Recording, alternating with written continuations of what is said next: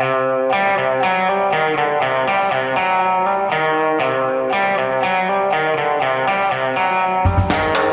offensiv, nesten aggressiv Tor Mikkel Wara ga samboeren Laila Anita Bertheussen full støtte i retten i dag. Og Trump rykker ut mot egne helseeksperter. Dette er Gjevra-gjengen. Det er torsdag den 17. september. Ja, aller først Astrid uh, Mæland, som er i uh, retten uh, for oss. Det var full støtte til samboeren fra Tor Mikkel Wara i dag? Ja, jeg vil si at han er sin samboers eh, fremste forsvarer når han inntok vitneboksen i, i, sal 250 i dag. Han forklarer seg med full støtte til Laila Anita Bertheussen, gir henne alibi for eh, den første hendelsen som han var til stede på. Det var jo midt på natta, de lå og sov sammen i samme seng, sier han. Og han er helt, helt, helt, helt sikker på at hun aldri i verden kan ha stått bak noen av de hendelsene som hun er tiltalt for. Blir han spurt om hvem han da tror det er? Nei, han, han, eh, vil ikke spekulere, og han har generelt eh, vært litt irritert i dag i retten på både PST og tidligere avhør og sånn, for han syns at de stiller en utidig spørsmål der han blir bedt om å spekulere. Han vil bidra med fakta, eh, og det er ikke noe vits i at han spekulerer sin. Han var jo til stede på en del av disse, han var bl.a. på en guttetur til Liverpool da en av disse hendelsene skjedde, og han var på jobb på andre dager. sånn at Det er jo ikke alle sammen han har fått med seg, og da har han ikke så mye informasjon å komme med. Og det er jo spesielt fordi han da, eh, helt inntil dette skjedde, så var han da sjefen til eh, PST, og for så vidt også til hele rettsapparatet. Ja, det nå sitter han altså og kjefter på sine gamle kollegaer, eller sine gamle undersåtter, rett og slett. Han sier at uh, han ikke skjønner noe av hva PST har drevet på med her i retten. De har en krangel om hvorvidt Vara Bertheussen gikk med på å bli overvåka med flere overvåkingskamera, som PST mener at de sa nei til, som Vara Bertheussen slett ikke er enig i at de sa nei til. De sa ja. Um, og han går rett i klinsj med, med, PST og etterforskninga, og han klager også på at disse kameraene som først ble satt opp, aldri virka. Um, og han syns at uh, de blir bedt om gjennom hele den saken her, om for inngående overvåking, særlig Laila Anita Bertesuna, som bodde i det huset som var hjemme. Han for sin del var ikke så plaga av det, for han var så mye borte og så mye på arbeid. Men uh, han uh, ber hele tida om forståelse, og han går litt i klinsj med aktoren når han blir spurt ut òg. Kanskje litt aggressivt til og med når han ikke trenger å være det. Og Bertheussen, har hun vært til stede mens han har forklart seg? Ja da, de kom sammen. De sto bak i gangen sammen før de gikk inn. Um, så til, eh, tok hun plass eh, ved siden av, og sitter står rett ved siden av. Hun står hele tida fortsatt. Uh, og han står, han har med seg et par krøllete notater, så det ut som, som han hadde forberedt. Og så starta altså da aktorutspørringa, og den har foregått helt til nå. Er han ferdig nå, eller skal han forklare seg mer i ettermiddag? Nei, han er ikke ferdig ennå. Det blir noe spørsmål fra kanskje dommerne og fra de andre bistandsadvokatene og forsvarer antageligvis, men han nærmer seg ferdig. Og han skal ikke komme tilbake noe mer i planen i den rettssalen her i vitneboksen. Så de spør nå om masse hendelser som vi fortsatt ikke har kommet til i selve saksgangen. Da. Altså ting som skjedde etter at uh, hun ble, Bertheussen ble tiltalt osv. Ok, eh, tusen takk til deg Astrid. Fortsetter å følge denne saken for oss, men vi kommer ikke tilbake til den da før på mandag, for i morgen så er det Giæver og Gjertsen.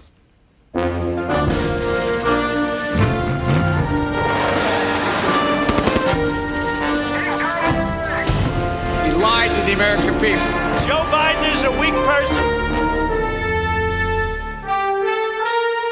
Åh, jeg kjenner forventningene stige i kroppen hver gang jeg hører den uh, vignetten, Per Olav. Ja, veldig flott. Det må jeg si. Den gir liksom den rette boosten for å snakke om det vi egentlig er opptatt av her i verden. Og hva, hva, har skjedd siden sist? Hva er det store i, uh, i den amerikanske valgkampen? Ja, eh, De siste 24 timer vil jeg si at eh, korona har vært i fokus. Og enhver eh, dag i denne valgkampen som handler om dette temaet, er egentlig en dårlig dag i valgkampen for Trump. Ja, for nå har det jo det har gått mye på disse opptøyene og lov og orden og sånn en stund. Og så har det vært klima og, og skogbranner. Men nå er det altså eh, covid-19 som er, eh, har hatt fokuset. Ja, fordi eh, det er klart at Trump har en stund nå forsøkt å få, skape en, et inntrykk av at det verste er over. Eh, at en vaksine vil foreligge innen kort tid, helst før valget eh, 3.11. Eh, og han har gjentatt det de siste dagene også, at den kommer i løpet av noen, noen uker. Men så er det litt kjedelig da, når hans fremste ekspert på området, altså han dr. Robert Redfield, som da er sjef for eh, Senteret for sykdomskontroll, CDC i USA, en ledende ekspert på dette, sier da at en, en vaksine for store deler av befolkningen vil ikke være klar før tidligst en gang neste år. Midten av neste år er det han anslår. Um, og Det passet også dårlig for Trump at Redfield i den senatshøringen som var uh, i går, snakket om at munnbindet er veldig avgjørende i kampen mot viruset. Det er kanskje, kanskje minst like viktig som en vaksine. og Da har altså Trump rykket ut mot Redfield og sier at han har sagt feil? At han uh, ikke skjønte spørsmålet, eller Eh, et eller annet ja, sånt? Dette var feil, og Redfield sa han to ganger. Det var feil dette med vaksinen, for den skal ut til hele befolkningen umiddelbart, som han sier, og i løpet av uker. Og i hvert fall ikke så sent som det Redfield sier. Og det var også feil dette med masker. Det var også feil ifølge Trump. Og denne striden mellom han som politiker og hans egne eksperter, det er jo noe som for så vidt har ligget under i i løpet av denne pandemien i USA.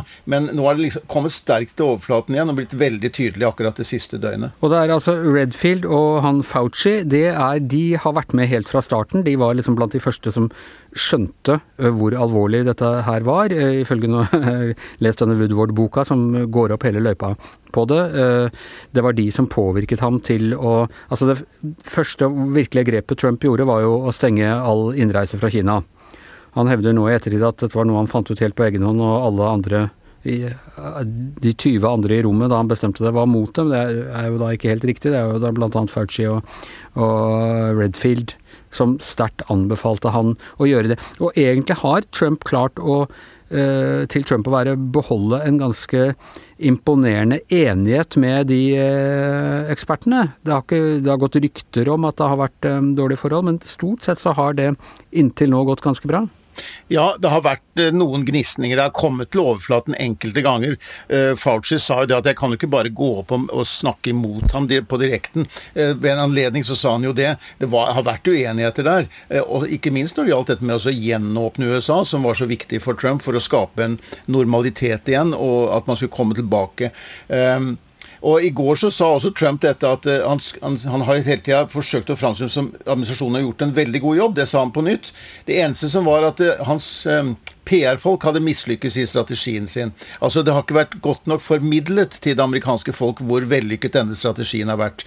Men dette er en versjon som amerikanere flest ikke kjøper. Det, det er jo av, det er en akilleshæl for Trump i denne valgkampen, håndteringen av pandemien de fleste amerikanere synes de har gjort en dårlig jobb. Men så er det en viss uenighet. altså Går dødstallene ned? Nå var de veldig høye igjen uh, i går eh, i USA. Og, og, jeg har inntrykk av at man, man vipper mellom Noen frykter at det skal gå litt som det har gjort i enkelte land i Europa, at man har fått et sånt voldsomt tilbakeslag etter at man trodde man hadde en slags kontroll. Eller om det er sånn at nå, uh, om, selv om smitten fortsetter å bre seg, at i hvert fall dødstallene skal gå ned. Ja, de har vel allerede gått noe ned. For det var jo en periode nå hvor det var over 1000 døde hver dag, og så er det nede på Det var over 1000 i går, ifølge CNN. Ja, nettopp. Men det har vært noen dager hvor det har vært nede på et lavere tall, altså hvor det har nærmet seg 500, eller i hvert fall 600-700. Det er fortsatt et svært høyt tall, og det er veldig mye smitte i USA, men du ser noe av det samme som i Europa. at det, det er høye smittetall, men ehm, noe lavere dødsrater enn det var tidligere. Kanskje fordi at det er en del av den, i den yngre befolkningen som nå er smittet, at det er en større andel der, og at de ikke blir like syke. Det er noe av det samme, tror jeg, som du ser i Europa, som har hatt smitten omtrent like lenge. Det er i hvert fall nå er eh, Trump rett og slett serverte mediene nå en, en anledning til å gå all in på på covid-19 igjen istedenfor uh, disse andre temaene. Jeg så på de uh, kveldsshowene på både Fox News og, CNN og sånn, så var det det det handlet om i går. Du, En annen bisarr sak der, det er jo han Michael Caputo. som måtte trekke seg i går etter å ha kommet med noen uttalelser, lagt ut noen uttalelser på Facebook, tror jeg rett og slett, hvor han hevdet at eh, helseekspertene, altså disse Redfield og Fauci og, og disse her tilhørte, var deep state-eksperter som bare var ute etter å felle Trump og male et mørkest mulig bilde av, eh, av situasjonen? Ja, det var en slags sånn motstandsbevegelse blant myndighetenes egne vitenskapsfolk, som da var mest opptatt av å ødelegge for Trump, ja. Og Uh, han snakket om at det ble lagt ut det han kalte 'rotten science', bl.a. Um, det var en veldig merkelig seanse, det var en sånn Facebook Live-seanse dette her sist helg, uh, hvor han også snakket om at han uh, han, han, han, anbefalte da sine egne tilhengere, Trumps tilhengere, til å kjøpe ammunisjon nå før valget.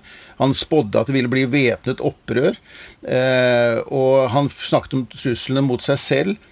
Han eh, det, det, var, det, var, en veldig oppsiktsvekkende Han er jo en langvarig støttespiller for Trump. Er kommet inn da som en slags assisterende helseminister, men han er da en ledende talsmann for Helsedepartementet. Han er sjefstalsmann for Helsedepartementet. Ja, Så han er, bare, han er, ikke bare, en donor eller en støttespiller, han er altså i Trumps regjering? Ja, han er hentet inn som en meget trofast og lojal uh, støttespiller. Nå måtte han beklage dette.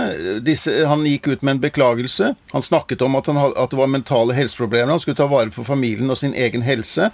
Han er sykemeldt i 60 dager. Um, og uh, Redfield, som vi snakket om, Robert Redfield måtte også snakke om dette i Senatet, og han syntes jo det var han snakket om de tusenvis av kvinner og menn med høy kompetanse og høy integritet som jobbet i departementet for å gi best mulig vitenskapelige råd. Fordi det som også Caputo Eh, og hans eh, rådgiver Paul Alexander er blitt beskyldt for. Han har vært en omstridt person tidligere. Det er nettopp for å forskjønne disse rapportene som kommer fra vitenskapsfolkene, som kommer fra departementet, for å få det mer til å være tilpasset det som er Trumps versjon, at de har pandemien under kontroll, at det ikke er noe å bekymre seg for lenger, og at det snart kommer løsning, eh, og at det snart er over. Det er han blitt beskyldt for. Men så slår han tilbake og sier at det er de andre som driver med rotten science, og det er en undergrunnsbevegelse, en motstandsbevegelse i departementet. Og han har altså i, Det var vel også en del av denne talen hvor han da mener at Biden er pedofil. Dette er jo også en del av de der QAnon, de der veldig skrudde konspirasjonsteoriene som er, som er ute og går. Mens Trump da liksom tar avstand fra Redfield og hans uttalelser, så har han drevet og, og delt uh, uttalelsene til Caputo. Ja, jeg har ikke fått med meg alt dette, jeg, men jeg vet at det har vært mye eh, om han tidligere. Og eh, nå er Det hvite hus helt tause når det gjelder eh, Caputo. De ville, Trumps talskvinne ville i går ikke uttale seg om dette, for det var personlige forhold. Og det er det jo i og for seg. Han er blitt sykmeldt. Eh, og han kunne ikke svare på om han ville komme tilbake igjen i denne funksjonen senere. Eh, men jeg syns jo det er ganske illevarslende i, blant ledende Trump-tilhengere når de snakker om dette med eh, at nå må du kjøpe ammunisjon, og dette her valget kommer til å bli eh, eh, kommer ikke til å få noe resultat, noe resultat, man kan være enige om. og Det kommer til å bli en standoff, og til, så begynner skytingen, som han sa i den Facebook-liven. Så det er jo ganske illevarslende hvordan en del tenker da, rundt det forestående valget. Hvordan går det med lesingen av Woodward? Det går framover. Eh, jeg leser litt hver dag og eh, har det fint. Jeg, har funnet et sitat i dag også, Anders. Supert, kom med det. Dette er ikke fra Trump selv, men det er fra hans tidligere forsvarsminister Mattis, Jim Mattis, eh, som har da Dette er hans sitat til Woodward. Det er svært vanskelig å ha en diskusjon med presidenten hvis en person fra etterretningen forsøker å brife eh, presidenten, får vedkommende bare sagt et par setninger før det avsporer i det som jeg uærbødig kaller eh, en avkjøring til, fra Seattle-motorveien til ingensteds. Eh, eh, farer av gårde til et annet tema. Du kan ikke ta ham opp til 30 000 fot, antagelig for å få overblikket, da, min tilføyelse. Du kan prøve, men så har han sett noe på Fox News som har fanget hans oppmerksomhet. Ja, det er helt sikkert en utfordring. Jeg har funnet et uh, sitat, og det er vel Trump som rett og slett sier til uh, Woodward. Uh, han snakker om alle disse, om Erdogan og, og Kim og alle disse diktatorene som han tilsynelatende har et mye bedre forhold til enn de demokratiske ledere. Så sier han for meg fungerer det veldig bra. Det er litt morsomt de forholdene jeg har, fordi jo tøffere og slemmere, eller ondere de er, så jo bedre kommer jeg overens med dem. Det er jo for så vidt noe vi har kunnet observere også, men det er jo, det er jo også et stikk av, av selvinnsikt her. Ja, vi oversetter boken, vi Anders, lenge før den er kommet i noen norsk oversettelse. Vi gjør det. Det er eh, bare å høre på hver episode i Gjever og gjengen. Nå, det får, være, det får være, stå for vårt, være vårt ansvar. Men, nå regner jeg med at jeg er ferdig med boka innen vi snakker sammen uh, neste gang. Fordi jeg må si jeg tar hvert ledige sekund og, kombinerer mellom sånn lydbok og og Kindle på mobilen, så liksom hvert ledig sekund så, så gafler jeg i meg et kapittel eller to. Men da tror jeg vi sier at um, at eh, Giæver og gjengen er eh, over eh, for i dag. Det var Astrid Mæland som var i retten her i, på hjemmestudio, Per Olav Ødegaard. Jeg sitter her i VG i dag, og podkastens faste samboer gjennom fem og et halvt år heter Magne Antonsen og er produsent.